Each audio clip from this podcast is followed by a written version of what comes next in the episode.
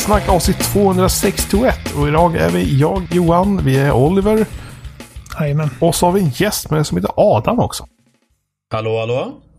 Adam Holmberg är spelaktuell som skribent på Game Reactor, men innan dess var han min kompis. Eh, han är en diggare av hårdrock, sörjare av gammaldags rollspel och allmän gringubbe. Hur är läget Adam? Jo då, lite seg. Jag har varit sjuk hela förra veckan, men det, jag är på fötterna igen och jag har Härligt. spelat en massa spel. Ja, det är bra. Det är bra. Eh, ska vi säga, om vi ger... jag funderar förut på vad, vad är det bästa sättet att få folk här nu? För där är, ditt, där är din debut på spelsnack. Ja. Eh, Så vad är det bästa sättet att få folk att liksom få en feeling över vem du är? Så jag tänkte, ska vi, ska vi prata lite om Uncharted 3? Oh, Okej, vi, vi börjar där alltså. Eh, ja. Varför är Uncharted 3 ett horribelt spel? Okej, Uncharted 3 är det värsta som har hänt mänskligheten. För Ja. att det tar sig själv på, på tok för stort allvar. Mhm. Och, och, och, det, det, det är så dåligt det bara kan bli. Okej. Det är på pappret ett 6 av 10. För det är, det, det, det är ett tekniskt kompetent spel. Men Det storyn... får, mig- eh, tekniskt kompetent är väl lite eh, i underkant. Ja, okej. Okay. Naughty Dog kan sina spel och grafik och allting sånt. Ja. Men det, det, är bara, det är någonting med hur de retconnar allting för att få fram falskt drama och det känns så falskt. Och det är långa cutscenes som inte direkt leder någonstans. Och det vrider och vänder sig fram och tillbaka. De har massa de har en skurk som inte är något sätt logisk eller har någon direkt relevans egentligen. Och det, det är stort antiklimax. Jag Johan, har du spelat uh, Uncharted-spelen? Jag har bara spelat ettan och tvåan. Ja, okej. Det, tvåan är, är, var seriens höjdpunkt fram tills Uncharted 4. Uncharted 4 tog det här lite mer allvarliga upplägget och gjorde det logiskt och bra. Men eh, Uncharted 3 helt och hållet tog sig själv på för, för stort allvar och jag blev så arg av det. det. Det var länge sedan jag blev så arg av ett spel. Alltså, du är väl medveten om... För jag kollar bara snabbt här nu på Metacritic. Du är väl medveten om att du ligger liksom i en, en eh, minority här? Ja, men eh, det betyder bara att jag är en väldigt intellektuell person jämfört med de andra. Så, så fort man eh, tycker tvärt emot alla andra så är man intellektuell. Ja, så, är, Det- så funkar det. inte 92 säker på det. är snittet på. 92, det borde vara... Nej, nej, nej. Alltså, det, är ett- det är ett fine spel, men inga 10 och 10 som folk öste över det. För, och, och även om vi ignorerar storyn, även om vi är någon som ignorerar storyn. De gjorde Melee Combat dummare. Det var mycket tråkigare med button mashing. Det var, eh, det var mycket mer ojämn eh, svårighetsgrad. Och det var... eh, det var, det var inte lika kul eller spännande som Uncharted 2. Jag har eh, gått lite fram och tillbaka på vad jag själv tycker om Uncharted 3 och resten av serien i, i förhållande till det. Sen när Uncharted 4 kom så, så håller jag av det som ett av de bästa actionäventyrsspelen som finns. Eh, men innan dess så var Uncharted 3 mitt favoritspel i serien. Och jag tror det beror mycket på att jag tycker att Uncharted 3 har spelets, eller seriens bästa set pieces. Ehm, Du menar flygplanet bland annat och så? Flygplanet är en sån sjukt cool sekvens som sen liksom lugnar ner sig nere i, i ökendelen. Som, jag menar, när man spelar spelet fjärde, femte gången så är det inte lika spännande längre. Men första gången man landar där i öknen och ser den här fantastiskt snygga snön så är det så mäktigt och även när båten man, man är på sjunker och det brinnande herrgården och alltså spektaklet tycker jag är helt fantastiskt i Uncharted 3.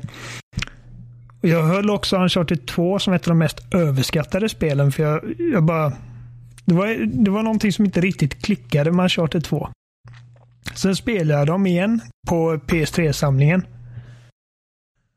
Och då var det liksom helt plötsligt Uncharted 2 är fan bättre än vad jag än vad jag gav det cred för förut. För att nu spelar jag det med en, med en handkontroll som är designad för vuxna människor.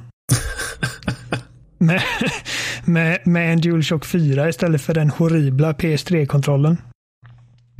Det kändes helt plötsligt kändes det mycket bättre att skjuta. Och det, det är ganska viktigt när det kommer till sådana här spel där man skjuter väldigt mycket. Och Uncharted 3 kändes inte lika bra att skjuta längre. Det är någonting de har gjort med liksom, skjutmekaniken i spelet som gör att det känns stiltigt. Och de patchade det till PS3 men det kändes fortfarande liksom inte lika bra. Inte lika responsivt. Um, sen tycker jag Nate ser konstig ut i Uncharted 3. De har gjort något med hans ut, utseende i Uncharted 3. Han ser konstig ut. Jag håller med dig om skurken. Alltså Talbot är verkligen en usel skurk. Men, men, han är en mörk kopia. Han är en mörk reflektion av vad Nathan hade kunnat vara. Ja, men, men han är fortfarande usel. Han har typ magiska krafter som aldrig förklaras. han försvinner runt hörn mag, för, utan någon ja, förklaring och så. Han är Batman. Uh, men jag tycker fortfarande det är ett bra spel. Uh, Nej, jag, kommer, jag kommer aldrig tolerera det spelet. Ja, okej, nu har vi fått det ur vägen. Nu vet vi vad det är för typ av människa vi har att göra med. Mm. uh, vi ska egentligen inte prata om Uncharted 3 idag, utan det, vi ska prata om två spel. Uh, båda släpptes i fredags förra veckan. Mm. Och uh, det första är Crackdown 3. Uh, Crackdown 3. Som du har spelat mycket mer än vad jag har gjort. Men jag har, jag har spelat kanske en eh, fyra, fem timmar. Ja, jag, jag spelade ju ut hela storyn för uh, recension. Ju. Mm. Och jag är glad att jag inte behövde betala för spelet. För det var en total beige massa för mig. Um, vad tycker du först och främst? Du är ju inte så långt in. Vad tycker du än så länge? Ska vi börja med att jag, jag tyckte väldigt mycket om det första spelet. Och jag, ja. har, eh, jag har höjt det till skyarna här på podden förut. Kanske lite mer än vad det egentligen förtjänar. För att när allting kommer till kritan så är det inte något jättespeciellt egentligen. Jag, men, jag, jag tror inte det har åldrats så bra som man egentligen tänkt sig. Men på sin tid var det fortfarande bra. Det var, det var det första spelet jag recenserade på en liksom riktig spelsajt och inte bara som ett liksom Word-dokument jag hade på min dator.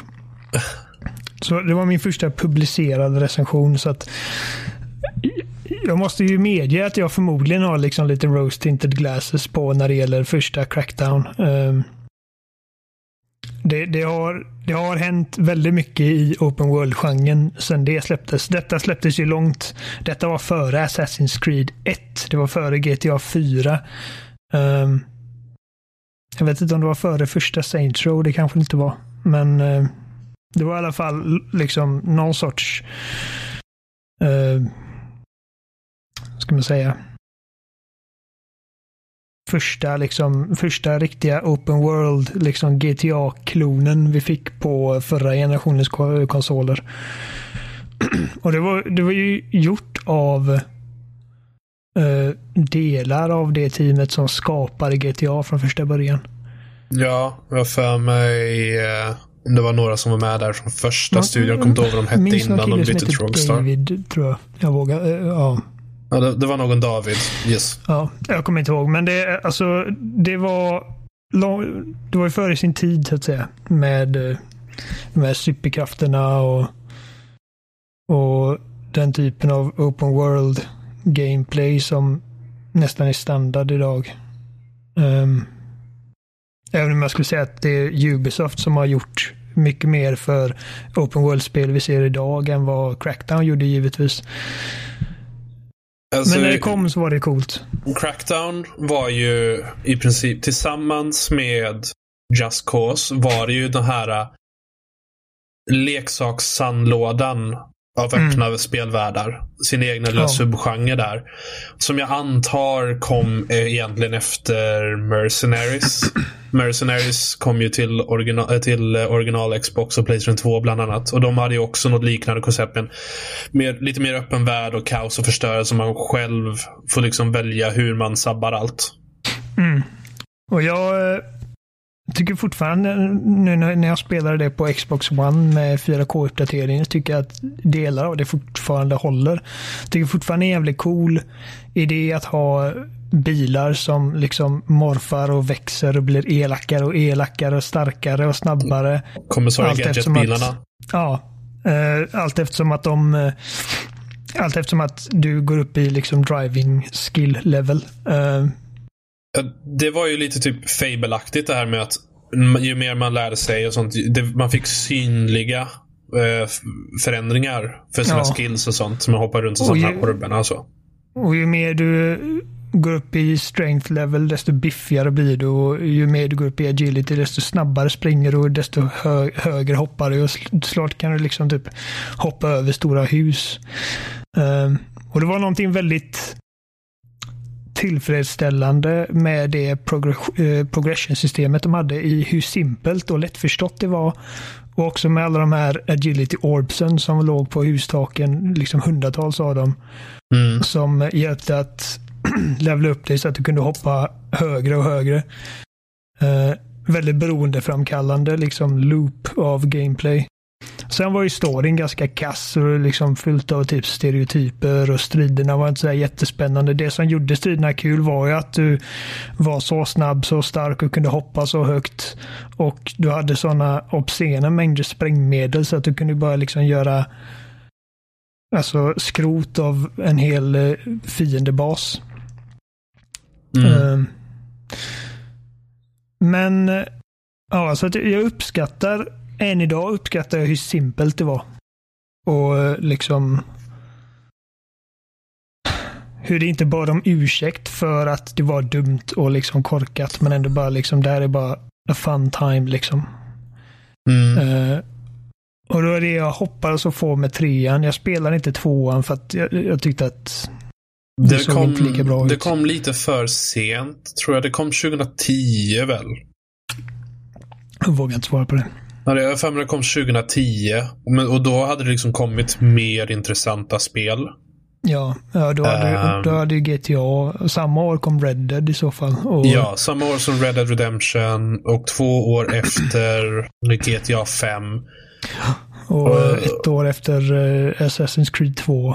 Ja, och tvåan kom där och det var typ, ja det är typ samma spel. Det, det, jag tror det var samma spelvärld fast det var typ några mutanter, Ja, men zombieaktiga typ saker. mer monster snarare än gängmedlemmar och mer. Ja, så, typ lite hård mode-aktigt. Jag bara, nah, pass.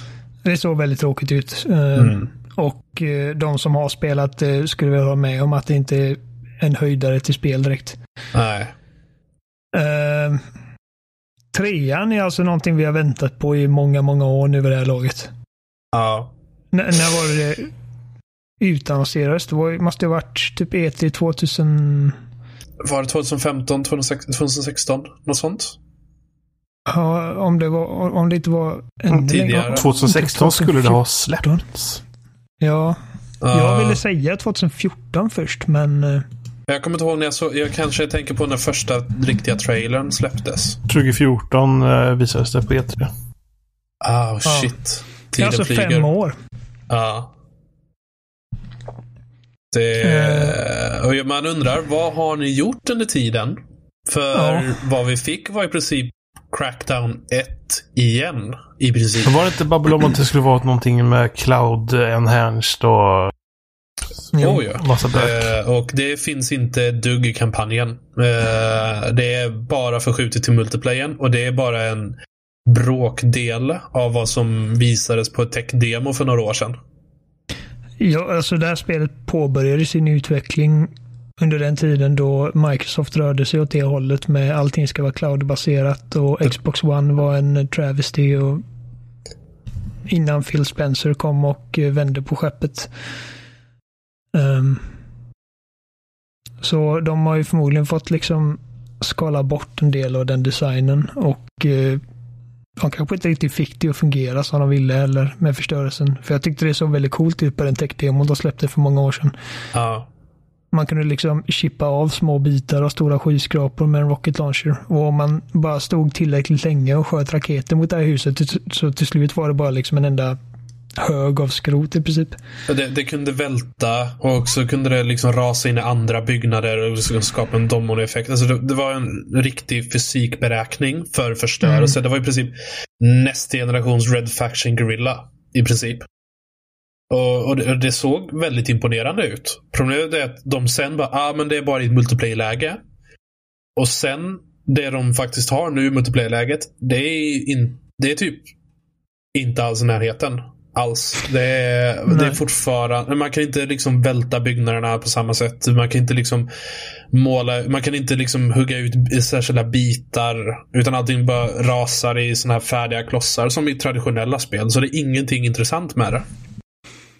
Nej, så det vi liksom, det vi i slutändan får är Crackdown 1 med eh, Fler vapen och bossar. Några fler vapen och lite mer utstuderade bossar och några nya liksom abilities. Uh, först med en story som tar alldeles för mycket plats. För jag menar, alltså storyn är fortfarande horribel. Hur ja. ointressant som helst. Bara att nu så finns det faktiskt mellansekvenser och grejer som avbryter. Ja, och skurkarna i, i första Crackdown så var det ju typ här är en bad guy. Han gör det här. Liksom en kort sammanfattning bara.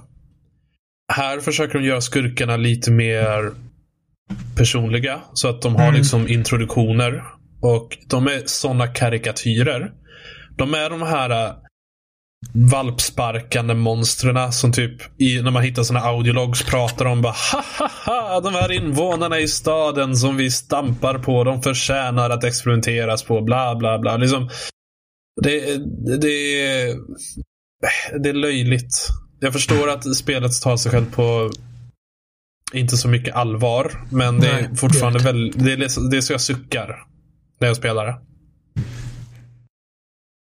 Sen tycker jag alltså Terry Crews känns ju väldigt mycket som bara liksom en PR-grej.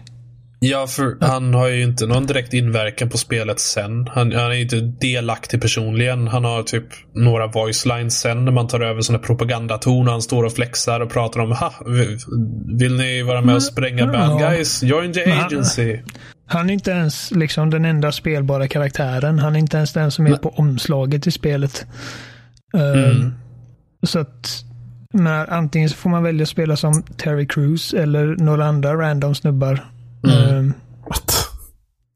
och jag vet inte riktigt, bara känns jarring på något sätt. Ungefär som att han slängdes in där bara för att det är lättare att marknadsföra spelet med Terry Crews på. Vilket det givetvis blir för att Terry Crews är the man. Alltså han är, han är fantastisk men det, ja. det känns inte som rätt spel för att skryta om att ha med hans karisma. Jag tycker det är en bortslösa på spelet lite. Uh, men i och med att så, så vi hamnar här med Crackdown 3 ungefär som Crackdown 1 fast 2019. Uh, eh, ja. Och det finns, det finns grejer de har gjort. Uh, givetvis lite mer. det finns laservapen och sådana konstiga grejer och det finns så att du kan ha dubbel och trippelhopp och du kan eh, göra så här typ eh, horisontala boosts och lite fler abilities till, till din karaktär. Ja. För att eh, dina skills var väl, väldigt mycket mer simpla i första spelet. Att när du gick upp i agility level så kunde du hoppa högre. Och här är det att du får nya Ja, nu, nu du hoppar lite högre men du kan också ha ett dubbelhopp eller en dash. Ja. Och sådana saker. Och jag uppskattar faktiskt det för att jag tycker det är lättare att manövrera nu och faktiskt göra de här precisionshoppen med de eh, kontrollerna. Mm. Ja, så att de har lagt till små grejer liksom. Det är inte exakt ettan utan något har ju hänt men det har inte Alltså det har inte tagits några steg framåt egentligen. Um, och det är svårt för mig, för jag är inte spelutvecklare, så jag vet inte riktigt hur jag hade gjort för att liksom ta serien framåt. För att det är ju liksom 12 år sedan första spelet släpptes. Um, men det här räcker inte. Samtidigt så, eftersom att jag ändå hade kul med ettan, uh, så har jag ändå småkul med detta också. Det är liksom, det fungerar. Det är inte ett horribelt spel. Jag hatar det inte. Eh, och jag tror att den absolut största, eller den egentligen enda stora förbättringen de har gjort är att du nu kan kalla till dig din sån här superbil. Mm. Eh, lite när som helst. För att det tyckte jag var tråkigt i första spelet att du har de här coola bilarna som liksom morfas och förvandlas från en eh, sportkärra till The Batmobil. Men eh, du måste hämta dem i det här garaget och så kör man runt lite i staden så ser man eh, en agility orb på ett tak och så hoppar man upp där och så ser man en annan agility orb några meter bort och så fortsätter det så och sen så hittar man inte tillbaka till bilen. Mm. Här är det bara att man trycker upp- på deepaden så kommer bilen till dig, vilket det, det är jävligt skönt. Mm. Um, tyvärr är inte, nu har de liksom inte tre bilar som sen byggs på och blir större och coolare allt eftersom, utan du har en bil som kan som har olika lägen i princip. Man kan morfa den till typ en sp- spider, heter den, som kan åka på väggar och sen en stridsvagn och sånt. Mm. Inte riktigt lika coolt, men det, alltså, det, det fungerar väl. Det, det är lite enklare att ha att göra med. Ja, precis. Och det är mer lättåtkomligt så att man utnyttjar det mer än vad man hade annars.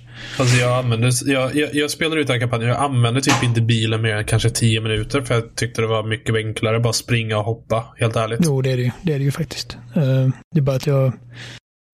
Jag tror att det roligaste jag har haft med spelet är inte att spränga fiendestationer och grejer, utan det är att uh, köra sådana här rooftop races. Ja. Eh, Eh, hoppandet och så, det är fortfarande det man gör som är kul. Eh, Ja.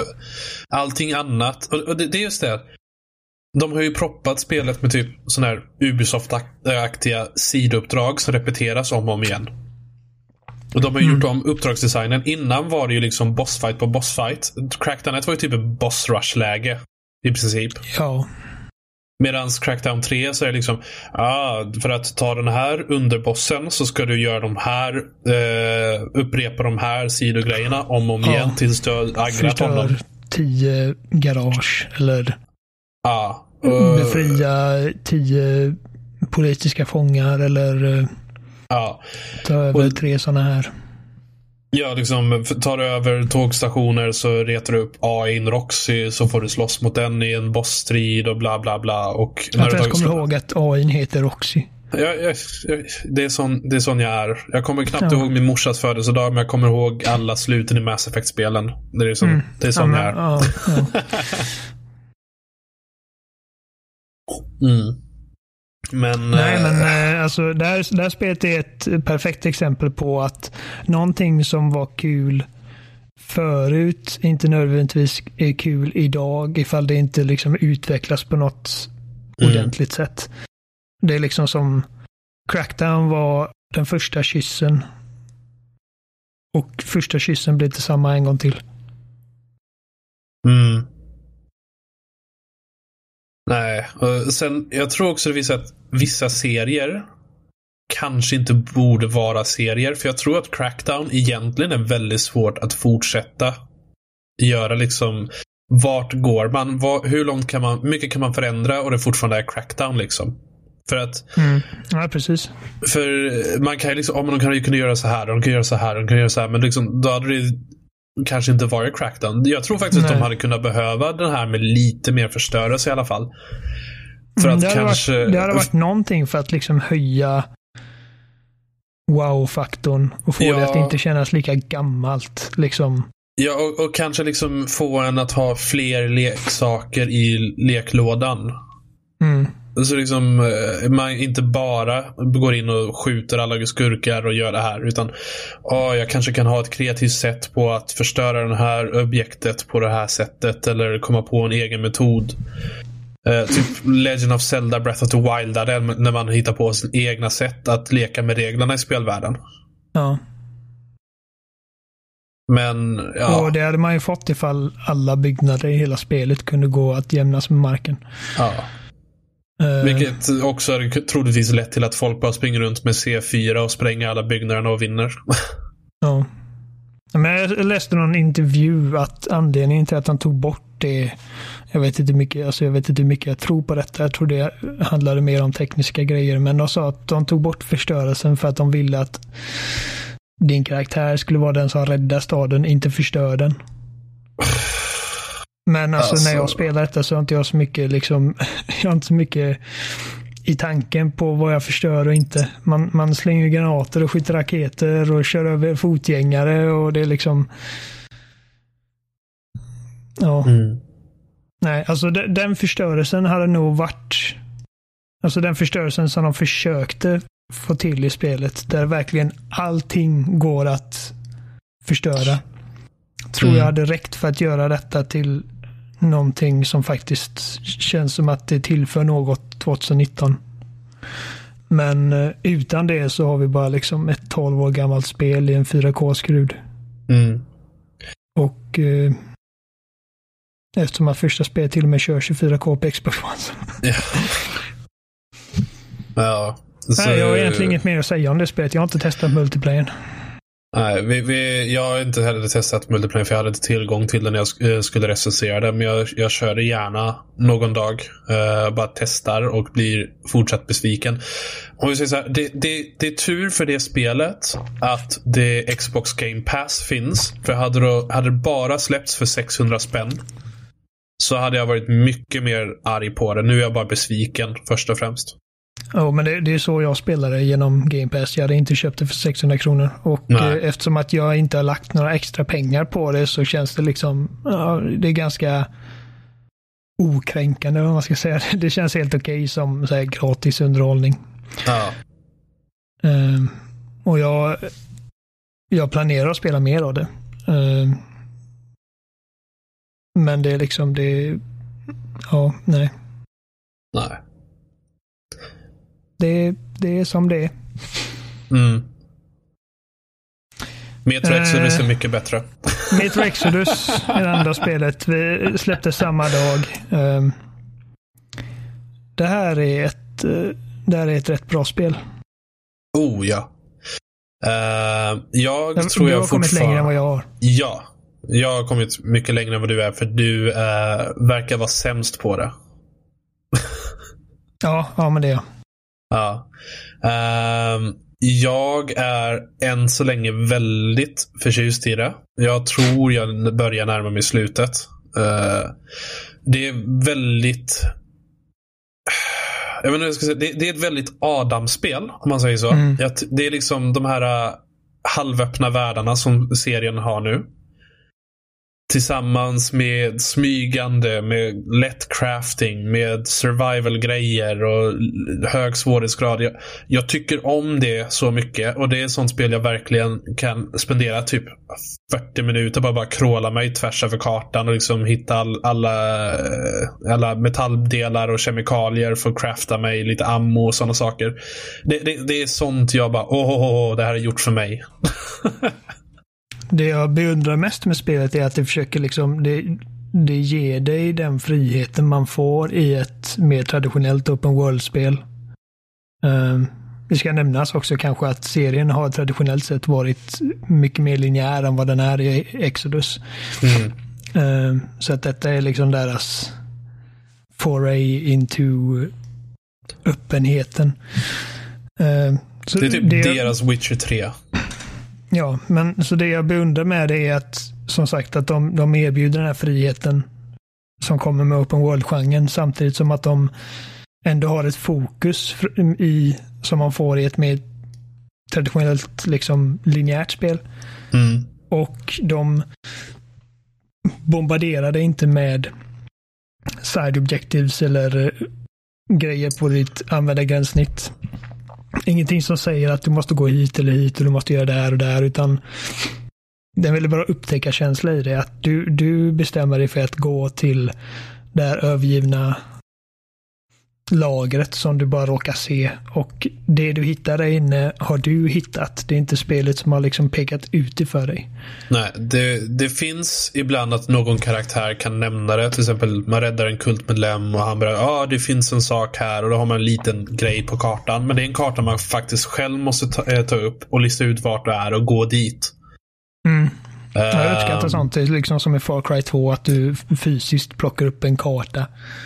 eh, Ja. Där du har en kompass på och eh, om du vänder på den så ser du dina mission objectives. Ja. Däremot, när man jämför med... Jag tänkte faktiskt på Far Cry eh, 2. Det Far Cry 2 låter en göra är att kunna åka eh, till exempel båt eller bil eller liknande och kolla på kartan samtidigt. Mm, ja, Det kan, man, det kan man inte i Metro. Speciellt när man sitter i en liten roddbåt och det är fullt av loskande kräftor som är två meter stora som jagar en. Ja. Det, då är det lite svårt. Liksom, Okej, skulle jag ta vänster eller höger här? Och så kommer de och möter upp en. Jag vill bara prata lite om de grejer som gör att jag inte har varit lika eh, lika fast i det som jag hade velat. Mm. Eh, och det är ett spel som jag ofta känner att jag finner mig liksom i ett läge där jag känner att okej, nu måste jag ta en paus från det här spelet. Eh, dels så känns det ganska clunky i eh, när man rör sig och inte nödvändigtvis i själva skjutandet. Skjutandet känns bra, vapnen känns bra, de har god rekyl och de känns liksom äkta och de är väldigt snyggt modellerade och vapenljuden är väldigt bra. Men, men liksom att sikta och bara allting som har med dina inputs på kontrollen att göra känns inte riktigt så responsiva som jag hade velat att de skulle vara. Mm. Eh, och i och med att det är ett mycket öppnare spel nu.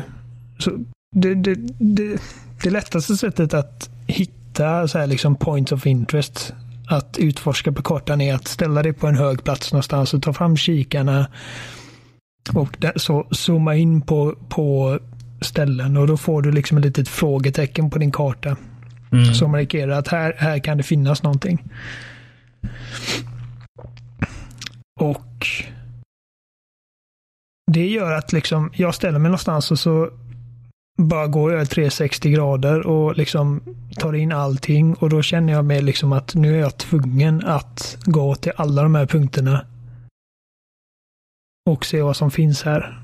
Mm. Ehm, och det är väldigt sällan som jag inte känner mig belönad för att jag gör detta. Många gånger ligger det liksom typ något vapen jag inte har eller några nya attachments till ett vapen jag inte har. Typ som en bättre gevärspipa eller ett, ett bättre kikarsikte.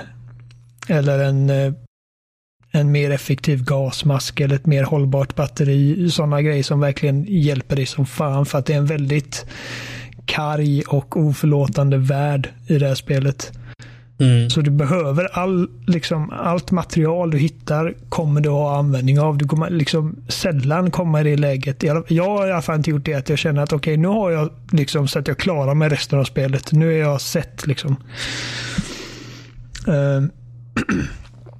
Men det resulterar också i sträckor där jag sitter och spelar tre fyra timmar och jag känner att jag inte gjort så jävla mycket. Att jag har mest gått från punkt till punkt och lootat lik i princip.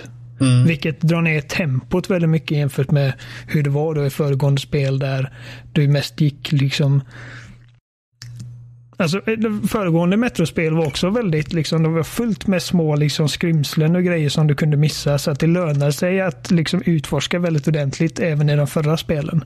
Men det var inte lika öppet. Ehm, så att ja, jag tror att tempot blir lidande av det tror jag. Och jag känner att en grej man hade kunnat göra för att motverka detta, även om det är liksom mitt eget beteende som förstör för mig. För att det är jag som bestämmer mig för att okej, nu måste jag, innan jag går till mitt riktiga objektiv som fortsätter storyn och för mig framåt, Mm. så måste jag gå och göra allt detta för jag vet inte om jag kommer få chansen att göra det sen. Eh, Men jag tror att ett sätt att motverka det hade varit liksom att man själv får göra små markörer eh, på kartan. Mm. Att, liksom, att de inte automatiskt sätter frågetecken på allt du ser. Så, för då hade liksom då hade det varit mer att jag aktivt Okej, det är tornet där borta, det vill jag gå till just nu. Mm. Ehm, för när man är på the critical path, path och man faktiskt man är på ett av de här liksom huvuduppdragen, om man ska kalla det, när man fortsätter med spelets story så är spelet liksom, då är det väldigt bra. Mm. Eh, och jävlar vad snyggt det är. Ett av de snyggaste spelen jag har spelat. Det är riktigt jävla snyggt. Nu, nu, nu kör ju du, både du och jag på Xbox One X. Mm. Och eh, då är det liksom, ja, det bästa konsoler kan ge nästan. Uh, det, och då saknar det ändå fortfarande många, mycket av det här extra godiset som PC-versionen har. Men det är Mm. fortfarande så jäk... Det är så överdetaljerat på ett fantastiskt sätt. Mm. Och, Det är alltså i 4K också. Det är, eh, jag satte mig närmare tvn och det var då jag märkte liksom att herregud, det här är liksom... Jag ser inga liksom imperfektioner någonstans. Det, Mm. Den här vapenmodellen är liksom helt perfekt detaljerad. ja, Och de små liksom... Som, det, det jag alltid älskar för Metro är hur, hur analogt och skitet och liksom desperat allting känns. Så att du behöver, ditt, liksom, du behöver din gasmask för att mm, utforska ställen där det är mycket strålning. Och ju längre du har på dig gasmasken utan att byta filter så börjar det liksom läggas kondens på visiret. Och Ja. eh, när du skjuter en jättespindel med en shotgun på nära avstånd så splattrar det upp blod på visiret som du måste torka av med ett knapptryck. mm, Och när din, dina night vision goggles eller din, bat, eh, din ficklampa börjar liksom slockna så måste du dra fram din lilla laddare som du klickar igång. Och som sagt, du måste hålla koll på filtrerna. Hur, många, eh, hur lång tid du har kvar på de rena filtren innan du måste byta ut dem. Och, eh, en väldigt liksom hands-on upplevelse. Att det känns som att det är du bakom det visiret. Och det är fortfarande lika bra här som det alltid varit. mm. Ja, Mm. alltså, jag skulle säga att jag nästan... Vissa delar av spelet tycker jag är bättre designer än andra. Och Du har kommit till den andra öppna världen va? Ja, öknen. Ja, och jag tycker om den. Men det är också där jag känner att det är lite mer buggar och lite luddigt designat vad gäller hur, vart man, vad man ska göra och sådana saker. Eh, Ja. det, det känns inte riktigt lika strukturerat eller tight som den första öppna världen. För att det, man, Okej, storyn i Metro Exodus är ju att man lämnar Moskva på, på tåg. Ehm, jag, jag känner inte att vi behöver berätta exakt varför. Men man, man lämnar eh, Moskva och reser genom Ryssland i alla fall. Och då besöker man olika områden på ens resa. Och eh, De har ju ja, helt annorlunda landskap och sådana saker. Ja, för den som inte vet så handlar ju Metro-serien om en grupp av människor som har överlevt nere i Moskvas tunnelbanesystem efter att världen har liksom förstörts av kärnvapen. Eh, Ja. Och strålningen har muterat djurlivet till, till att bli monster, monster och man kan inte andas luften där uppe.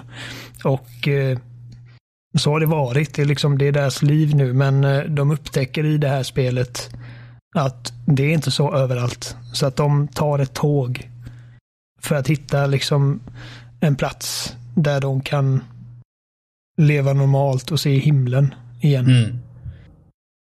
Ehm, det är lite mer komplicerat än så, men vi behöver inte gå in på mer story-detaljer än så. Nej, jag, jag tycker att folk som borde ta och spela det. Jag tycker folk borde spela det och sen skaffa Me- Metro Redux-samlingen också och spela hela serien faktiskt. Mm, absolut.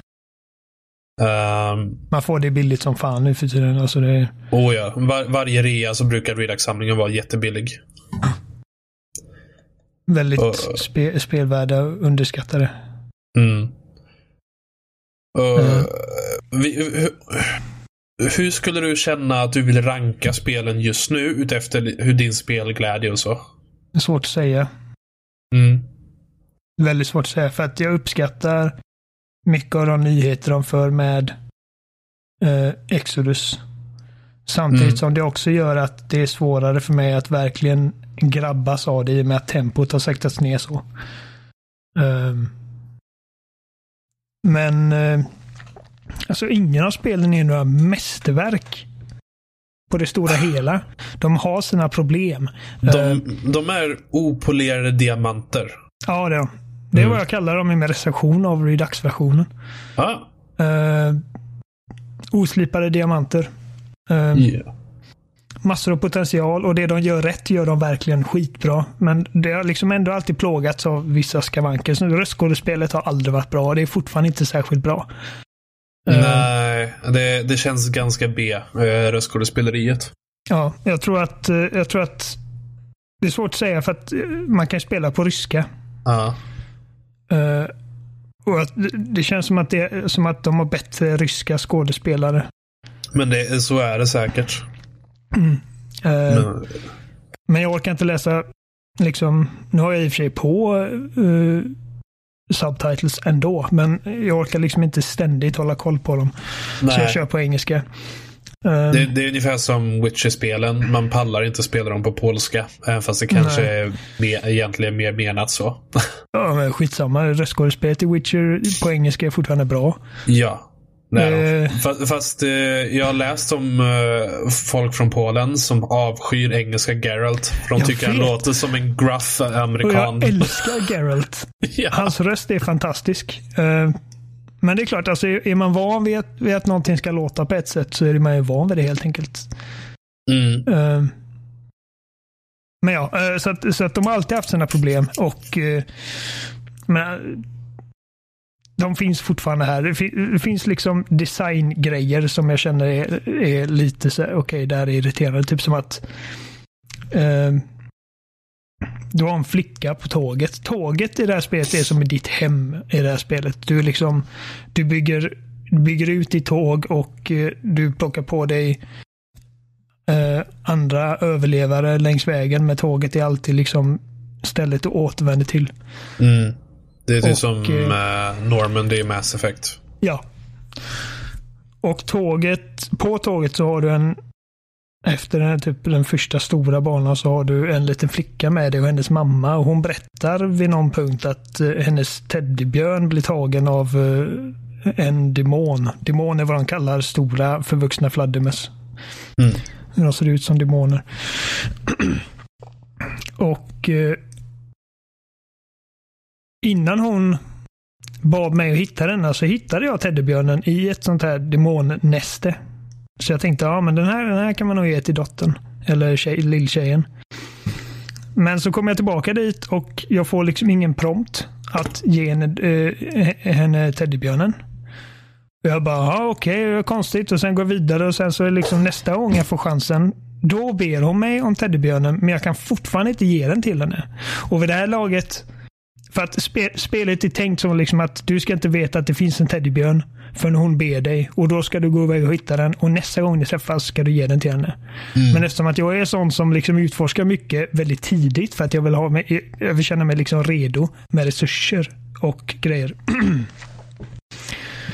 Eh, så jag hade den här björnen innan hon bad om den. Och jag hade den när hon bad om den men kunde inte ge den. Och vid det här laget så började jag tänka så här. Är det något jag gör fel? Är, har det buggat eller glömde jag att plocka med mig den hela teddybjörnen ändå?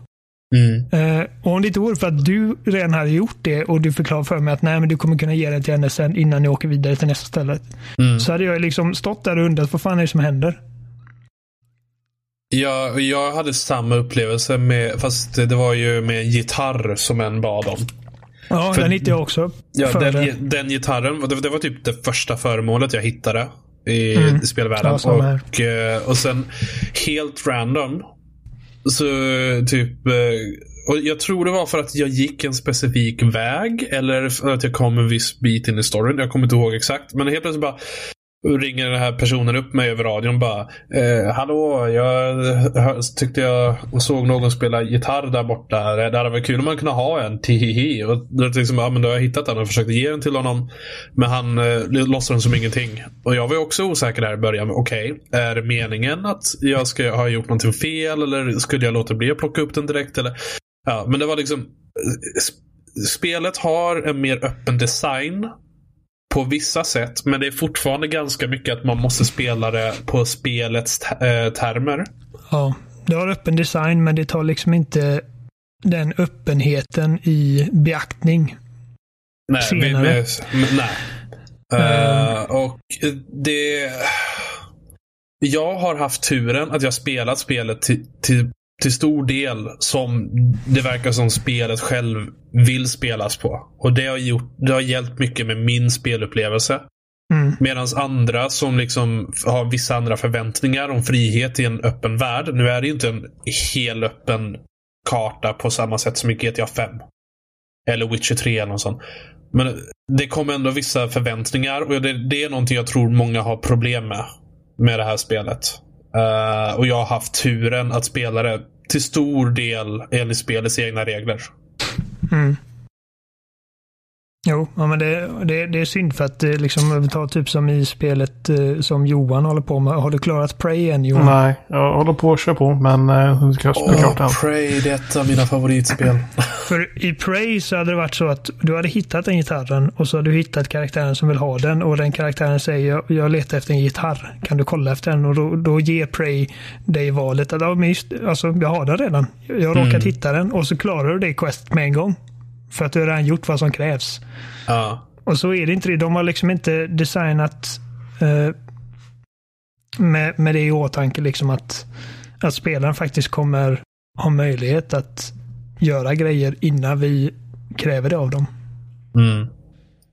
Eh, så sådana grejer är liksom såna, såna små grejer egentligen. Jag, jag skulle inte säga att det har förstört min upplevelse överhuvudtaget. Men det är sådana små grejer som jag känner håller tillbaka det från att vara liksom ett, väl, alltså ett riktigt must play-spel. Liksom. Ja. Men det jag har mest problem med Metro just nu, det är att det faktiskt kraschar ganska frekvent. Ja, just det. Ja. Det, det är tydligen ett vanligt problem har jag kollat. Eh, att på Xbox One X specifikt, jag vet inte hur det är på Xbox One. Men på Xbox One X så, så fryser det. Det har hänt mig säkert tio gånger vid det här laget. Eh, Mm. och Oj. laddningstiderna är brutala. Det är inte så farligt när man dör och måste ladda om en checkpoint. Men Ja, det- när man är en- startar spelet första gången. Ja, och, och, det, och det är det så första gången man startar det och sen spelar man några timmar, då är det fine. Men med tanke på att det när som helst kan krascha. Mm. Det är då, jag, jag märkte ju det för att jag tror det var typ under spelets typ första 20 minuter. Som jag fick två krascher. Eh, ganska direkt. Och då, Och då, liksom, då var det det som laget så bara- har man tre sådana enorma laddningstider och det känns som att man har suttit mer och väntat på att spelet ska bli färdigt än att man har fått spela. Ja. Eh, Och jag, men jag, tror blev att- så orolig först för jag fick ju de här krascherna och du hade inga problem. Jag, jag, jag tänkte bara nej, håller mitt Xbox One X på att gå sönder? Nej! Ja. Ehm, och det som triggar mig mest med det här spelet. Och nu, alltså nu vill jag inte få det att låta- som att jag inte gillar spel, för jag tycker det är skitbra. alltså jag gillar det som fan. Men det som triggar mig mest med spelet är att Artyom, huvudkaraktären, fortfarande är en tyst protagonist. Och det är liksom inte skrivet för att han ska vara sån. Det är liksom bara så jävla dum FPS-grej. Ren jävla lathet. Jag vet inte varför. För att snubben har en röstskådespelare som Ja. liksom berättar bakgrundshistorien bakom det som du ska göra nu i spelet medan spelet laddar. Men inte i spelet. Och det är liksom när man bara står bland sina kompisar eller de andra karaktärerna på tåget och alla pratar med varandra så är det inte så farligt. För då sitter man där liksom och bara tar in allting. Men när det är någon som pratar direkt till dig och frågar om din åsikt, frågar hur du mår och ännu värre när du är nere i någon liksom spindel full, fylld eh, jävla gammal bunker och de hela tiden försöker nå dig. Bara Artyom, please answer. Artyom, can you hear me? You're breaking up. Artyom. Och jag bara, alltså min gubbe är stum. Det är vad jag kallar för Crisis 2-effekten. Jo, men i Crisis 2 så är det inte liksom Jo, det, Det störde mig inte lika mycket där. Alltså den storyn var alltså helt obegriplig. Här har de liksom en, en tydlig berättelse med liksom karaktärer som alla har sina egna personligheter och alla känner varandra väldigt väl och de är kompisar. De är inte liksom bara ett gäng som bara råkar vara med varandra. Det här är liksom vänner Ja. som bryr sig om varandra väldigt mycket. Och jag tycker att liksom den kemin som är mellan dem, trots rätt kackigt skådespel, så är det fortfarande liksom tydligt att det här är ett gäng människor som har varit igenom väldigt mycket tillsammans, bryr sig om väldigt mycket om varandra och skulle ta en kula för vem som helst i gänget. Och det är liksom sån här typ wholesome känsla när de sitter typ i, i restaurangvagnen och liksom dricker kaffe eller vad fan det är de dricker tillsammans och Mm. skojar med varandra.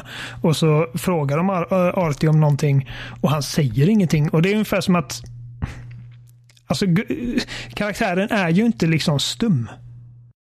Nej, han, han har en röst och eh, ja, eh, men det värsta är att det gör ju monologerna mycket mer awkward. När man går upp till en karaktär och han börjar babbla och han börjar babbla och så gör han en paus. Och så fortsätter han babbla och så fortsätter han babbla. Liksom, och, man själv bara står där som ett fån. Eh, och det, det känns väldigt styltigt med just monologer, skulle jag säga. Eh, Det funkar extra. liksom i Half-Life 2 och det känns som att det är Half-Life 2s fel att det är som det är i liksom shooters. För att det är nästan bara shooters i första persons Ja. perspektivet.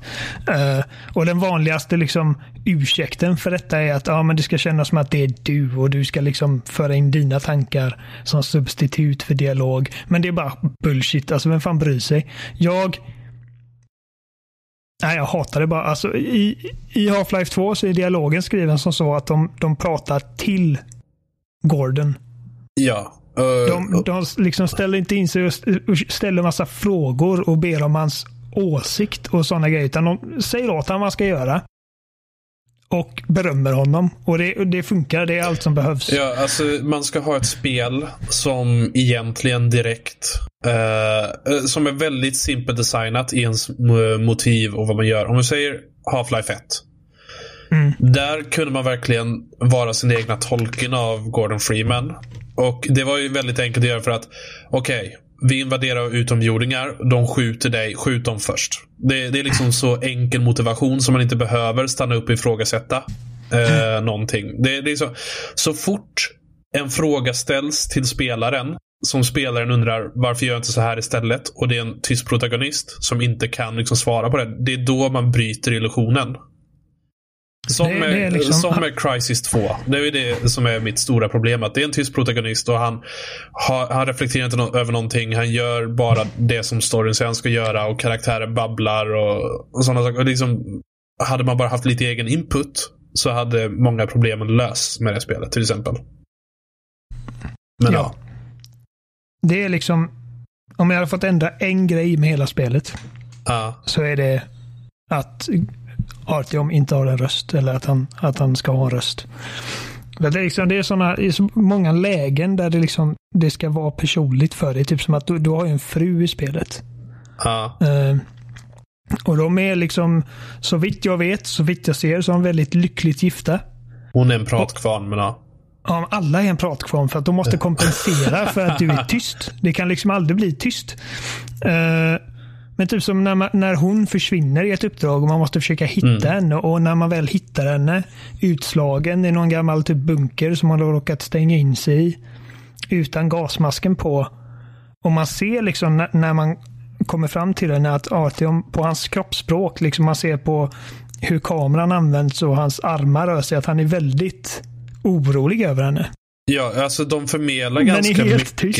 Ja, de, de förmedlar faktiskt ganska mycket att han bryr sig genom eh, de här små scenerna de har tillsammans med kroppsspråk. Hur han direkt liksom eh, vill liksom kolla hur hon mår och sådana saker. Men det är aldrig något ord som yttras. Och det, jag, jag har skrattat över det ett antal gånger. Mm. Ja, det bara stör mig för att i, den här, i spelvärlden så är det så tydligt att den här karaktären faktiskt kan prata och har pratat med alla de här karaktärerna. Ja. Men jag, jag, jag, jag, har en teori att anledningen till att alla babblar så jäkla mycket. Det är för att de blir så nervösa runt Artyom för att han inte pratar med dem. De, de, försöker bryta tystnaden. Han bara står och stirrar på dem. Ja, nej. nej, men det är liksom in canon så att säga så är han inte stum. Jag menar, ifall man har läst böckerna så är han verkligen inte stum. Mm. Ehm, så det stör mig något enormt. Det bara känns som en sån konstig grej och bara liksom ungefär som att ren lathet eller för att ja, men så var det de andra spelarna. Vi kan inte ändra på det nu. Ja. Och jag skulle ärligt talat också ändra till den första röstskådespelaren från första versionen av Metro 2033. Jag föredrog honom faktiskt. Jag kommer inte ihåg en låt. Jag jag har bara Mm. spelat originalet en gång. He spoke a little bit like this. He was a bit somber. He was reflecting about the world. Medan nu som bara We're living in the metro and it's harsh and we will live tomorrow and die and bla. Liksom, jag föredrar den gamla röstskådespelaren. Mm. Uh. Åh nej. Det stör mig. Mm. Men i övrigt så alltså. Ja, nu har vi pratat väldigt mycket om vad som inte funkar med spelet. Vi borde prata lite mer om vad som är vad det är som får oss att fortsätta med det. Allting som var bra med föregående spel är fortfarande bra. Mm. Ehm, jag gillar... Jag ska försöka gå på någonting som, som har ändrats till det här spelet. Ja, Jag gillar att eh, du när som helst kan plocka fram din ryggsäck och byta ut eh, ditt rödpunktssikte till ett, till ett kikarsikte på din, eh, typ, på din Kalashnikov. Det är i princip ett Crisis-liknande modifikationssystem. Det tycker jag är typ en, en av de enskilt bästa idéerna med Crisis som de hade var liksom att du kan Ja. när som helst bara granska ditt vapen och liksom byta ut delar som du ville baserat på situationen så att du kan sätta en ljuddämpare på ditt vapen helt sömlöst eh, och försöka gå in och snika dig igenom ett läger och snabbt plocka av den ljuddämparen och byta ut det till en heavy barrel ifall Mm. saker och ting går snett. Eh, så att hur de sköter vapnen i det här spelet eh, ger väldigt mycket frihet till hur du vill ta dig an saker. Mm. Eh, crafting-systemet är underbart enkelt för att det består bara av två komponenter i princip. Du har skrot och jag vet inte vad de, det är liksom eh, typ kemikalier antar jag. Ja, något sånt. Och det är det enda. Så att du liksom ifall du vill göra en eh, om du vill göra en molotov så kommer det gå åt lite mer kemikalier än skrot. Om du vill göra en eh, vanlig handgranat så Mm. kommer det ta mer skrot än kemikalier. Så det, det är liksom det är simpelt. Det är inte en miljard olika crafting-komponenter du måste hålla koll på. Utan Det, det, är, det är inte som Dead Space 3 där det är massa olika saker och man måste skicka ut lite robot och samlare och sånt. Utan det är mycket mer förenklat. ja, två, två komponenter, hur skönt som helst. Ja. Och det är lätt att förstå. Och eh, bara lätt att liksom ha, få en överblick över vad du behöver och vad du inte har eh, nog av. Ehm, och eh, tappar jag tråden helt och hållet. det, jag tänker på Dead Space. det är lätt att förstå. Och det är lätt att, att on the spot göra en riskavvägning. Liksom, Okej, jag är skadad men jag behöver också filter. Vad är det jag ska välja för stunden? Mm. Så det, tack vare att det är så simpelt så ger valen lite mer vikt skulle jag säga. Just att man förstår alltid situationen och man kan liksom göra en riskavvägning. Hela tiden. Och det, det, det är en stor fördel. Det blir liksom inte för mycket för en. Uh, som är en risk när man har ett komplicerat crafting-system. Som uh, ett bra, finns det några bra spel som Eh, man kan ta som exempel. Uh, nu kommer jag inte på något på rak arm. Men det finns liksom spel där ute som har crafting-system där det liksom, okej, det är en miljon saker uh, som påverkar de här sakerna. Jag kan uh, om vi säger um, Dragon Age Inquisition som har liksom ett jätteomfattande crafting-system när man gör vapen och liknande. Och det är en, en triljon olika material att samla som har olika effekter och sådana saker. Det är liksom att man kliar sig på huvudet och liksom bara okej, vad är faktiskt värt min tid?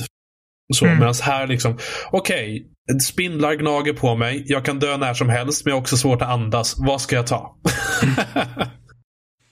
Jag uppskattar också att du kan, när du har dödat en fiende, eller knockat, man Mm. behöver inte döda alla, eh, så kan man gå fram till eh, fiendens vapen och kolla snabbt om har den här några attachments jag inte äger ännu. Då ja. kan man strippa dem. Och om den har attachments och grejer som du redan har kan du ändå strippa dem och omvandla det till komponenter som du sen kan crafta med. Mm. Ehm. bara simpelt och bra. Och som sagt att de inte, att liksom användargränssnittet är så minimalistiskt som möjligt. Du har liksom ingen procentmätare för hur mycket batteri du har kvar utan du får ta fram din lilla elektriska laddargrej och så ser du på, på den lilla mätaren på den hur mycket du har. Eh, du har en, en vristklocka som du ser hur mycket tid du har kvar på ditt filter i gasmasken. Eh, Skador på visiret kan du få när du hamnar i strider med gasmasken på. Det syns liksom som bokstavliga sprickor på skärmen. Som det... du sen kan göra makeshift lagningar genom att sätta lite tejp på. Tills du ja. kommer till en workbench och kan göra riktiga reparationer. Mm. Ehm, det enda du ser egentligen är hur mycket ammo du har på vapnet du har på dig. Ja, och kör man på Ranger Hardcore så mm. tror jag att man inte ens ser ammomätaren. Nej. Och, och, det, och det är lite sådär för det är väldigt svårt att hålla reda på hur mycket man faktiskt har då. Uh, ja. Jag hade typ velat ha, kommer du ihåg hur man kollade ammomät, ammunitionen i Condemned? Ja, han tog ut magasinet och så kollade han hur många ja. kulor det var.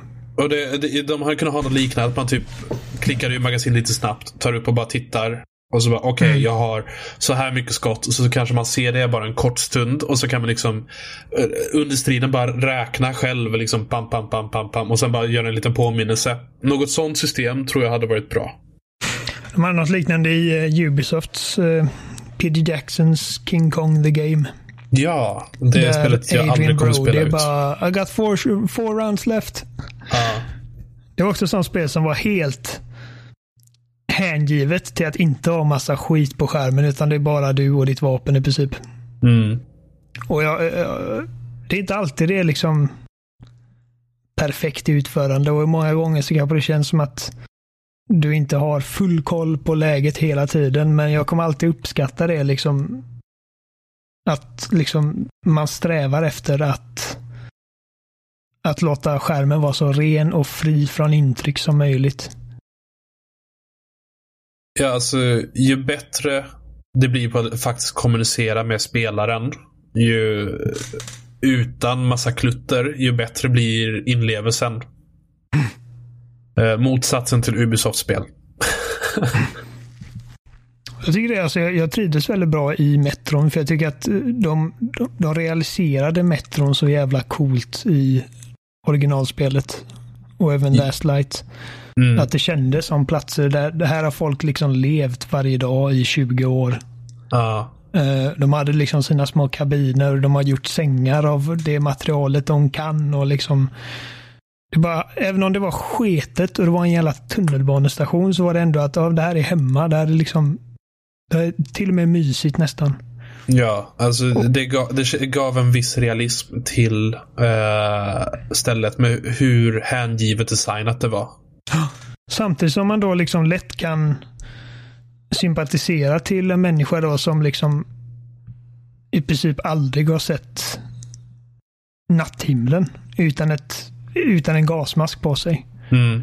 Uh, och aldrig fått liksom andas frisk luft. Så när man står där på det här tåget och man har kommit ut ur den radioaktiva zonen i Moskva och man ser liksom träd och natur och de kan stå liksom på utsidan av hytten eller kabinen och bara andas. Liksom mm. skogsluft. Det är bara liksom en cool känsla liksom för man vet vad de, hur, hur deras levnadsförhållanden har sett ut förut och liksom mm. hur sjukt det måste vara. Att oh, vi är ute liksom. Ja. ja. Uh det, jag, jag, tycker om världen i Metro väldigt väl. Och jag borde läsa böckerna. Jag funderar faktiskt på att dra ner ettan som ljudbok och lyssna mm. igenom. Jag läste den förra året. Mm. Den är också väldigt, eh, liksom väldigt detaljerad i hur de har byggt de här små samhällena inne i, nere i mm. tunnelbanorna.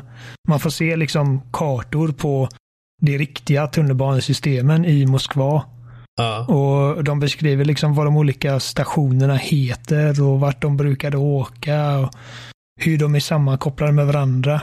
Mm. Och vilka folkslag som har tagit över olika delar av metron. Jag måste, den författaren måste ha varit mycket i de eh, tunnelbanestationerna. Alltså. Ja. Liksom, han, han, han nämner liksom de här stationerna vid namn och då kunde jag liksom gå in på Google och söka upp det här och så kunde jag se att okej, okay, så här ser det ut och då kunde jag föreställa mig det. Hur hade det sett ut om mm. liksom människor hade levt där i typ 20 år och så var det lättare att visualisera det. Tänk dig en svensk version av Metro. Där det är fullt av stockholmare som levt 20 år under marken. oh, gud. Mutanterna kommer. Skynda er. mm, nej. nej, men det... Jag tycker om det väldigt mycket. Och eh, Det är bara liksom det tredje spelet eh, i den en av de mest liksom inlevelsefulla FPS-serien som har gjorts. Mm. Jag gillar verkligen det. Liksom spel där det känns som att man verkligen kan leva in sig. Jag, jag tycker också om att det bästa är att det fortsätter vara sin egna grej. Även fast de vi testar nya saker. Det, mm. det är typ motsatsen till Crackdown 3.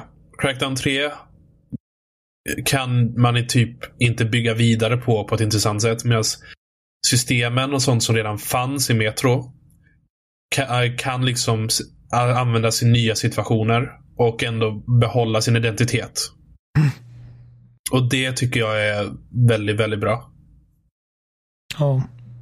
Det kommer så vi satt i party när vi började spela i fredags, du och jag. Uh, mm. Och jag sa det när jag började utforska liksom, den för, första liksom, banan av spelet. Jag bara, så där är liksom the way to go. Liksom, fuck open world-spel. Mm.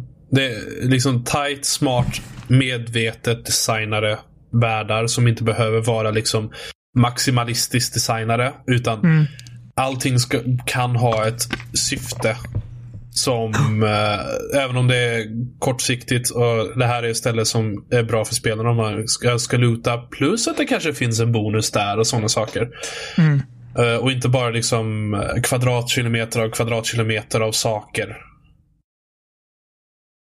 Mm. Ja, Metroserien är, förblir liksom en sån grej som det är fortfarande lite av en oslipad mm. diamant även om produktionsvärdena har stigit ännu mer sen sist. Och det är liksom rent grafiskt är det sju kliv mycket bättre än de flesta shooters man kör idag. Ja. Um, så liksom rent designmässigt och så, så visst, det, det, är lite oslipat på sina ställen. Det hade kunnat vara bättre, det hade kunnat vara bättre genomfört i många av sina system. Men det som det gör bra överväger det som det gör mindre bra mycket. Liksom. Ja, jag, jag tar hellre ett lite smått oslipat men ändå sitt egna unika spel än någonting mm. som är liksom väldigt polerat men saknar identitet. Ja, absolut. Så ja. Så Metro 2023. Eh, väldigt bra spel. Också väldigt dyrt på Xbox. Ja, helvete. 799 kronor betalar jag. Ja, alltså jag är, det är nästan så jag är arg på mig själv att jag faktiskt la de pengarna. För det är så jäkla dyrt. Och är, jag är förvånad över att inte fler pratar om att det är så dyrt att köpa spel digitalt nu, speciellt på Xbox. Det är konstigt för det kostar inte så mycket på PSN. Nej, och jag vet inte riktigt varför. Men det kanske är någonting som ändras när som helst. Och jag hoppas det inte gör det, men det är, det är liksom... Eh, det är inte ovanligt nu att spel börjar på 750 spänn nu. Ja, det, det var dyrt. Jag ångrar det inte för att jag, jag vill ha mina spel digitalt. Och eh, det är ett spel jag vill ha och jag liksom kan glatt säga att det är ett spel som är värt att spela.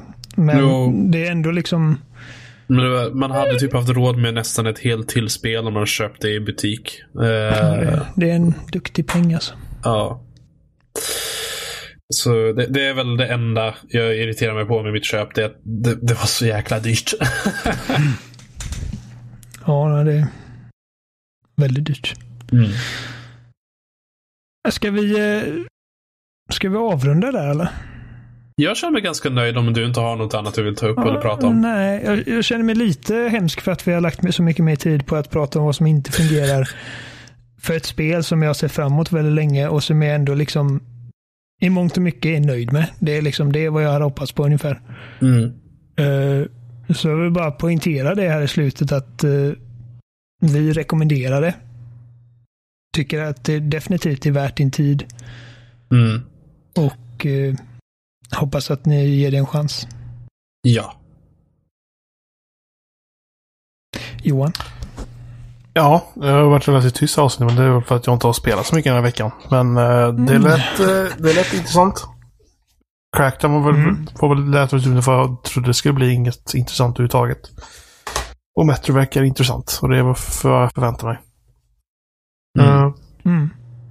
vi finns som vanligt på spelsnack.com eh, och där hittar ni länkar till YouTube och Facebook och RSS-flöden och alla möjliga ställen. Um, vart var det vi Det hittade? finns på Twitter, at spelsnack.podd. Nej, inte punkt .podd, spelsnackpodd. Jajamän. Eh, Johan Folsson, Seppala 13, Oliver Thulin och Adel 90, eller vad är det? Ja, det är 90 är det. Adel 90. Ni kan läsa hans grejer på Game Reactor. Uh, följ honom på Twitter och lyssna på när han gnäller på saker. Jag är proffs på att gnälla. Det, det, det är du minst sagt. Jajamän. Eh, Och vill ni skriva till oss på Spelsnack så är det bara kontakta.spelsnack.com om ni vill mejla. Eller förnamn spelsnack.com. Och sen övrigt så hamnar vi på loading varje vecka som en tråd. Bara hoppa in där och skriva om ni vill det. Ja, så om det är någon som tycker att eh, Crackdown 3 tok äger och Metro Exodus tok suger så är det bara att höra av sig och säga att vi har fel. Ja.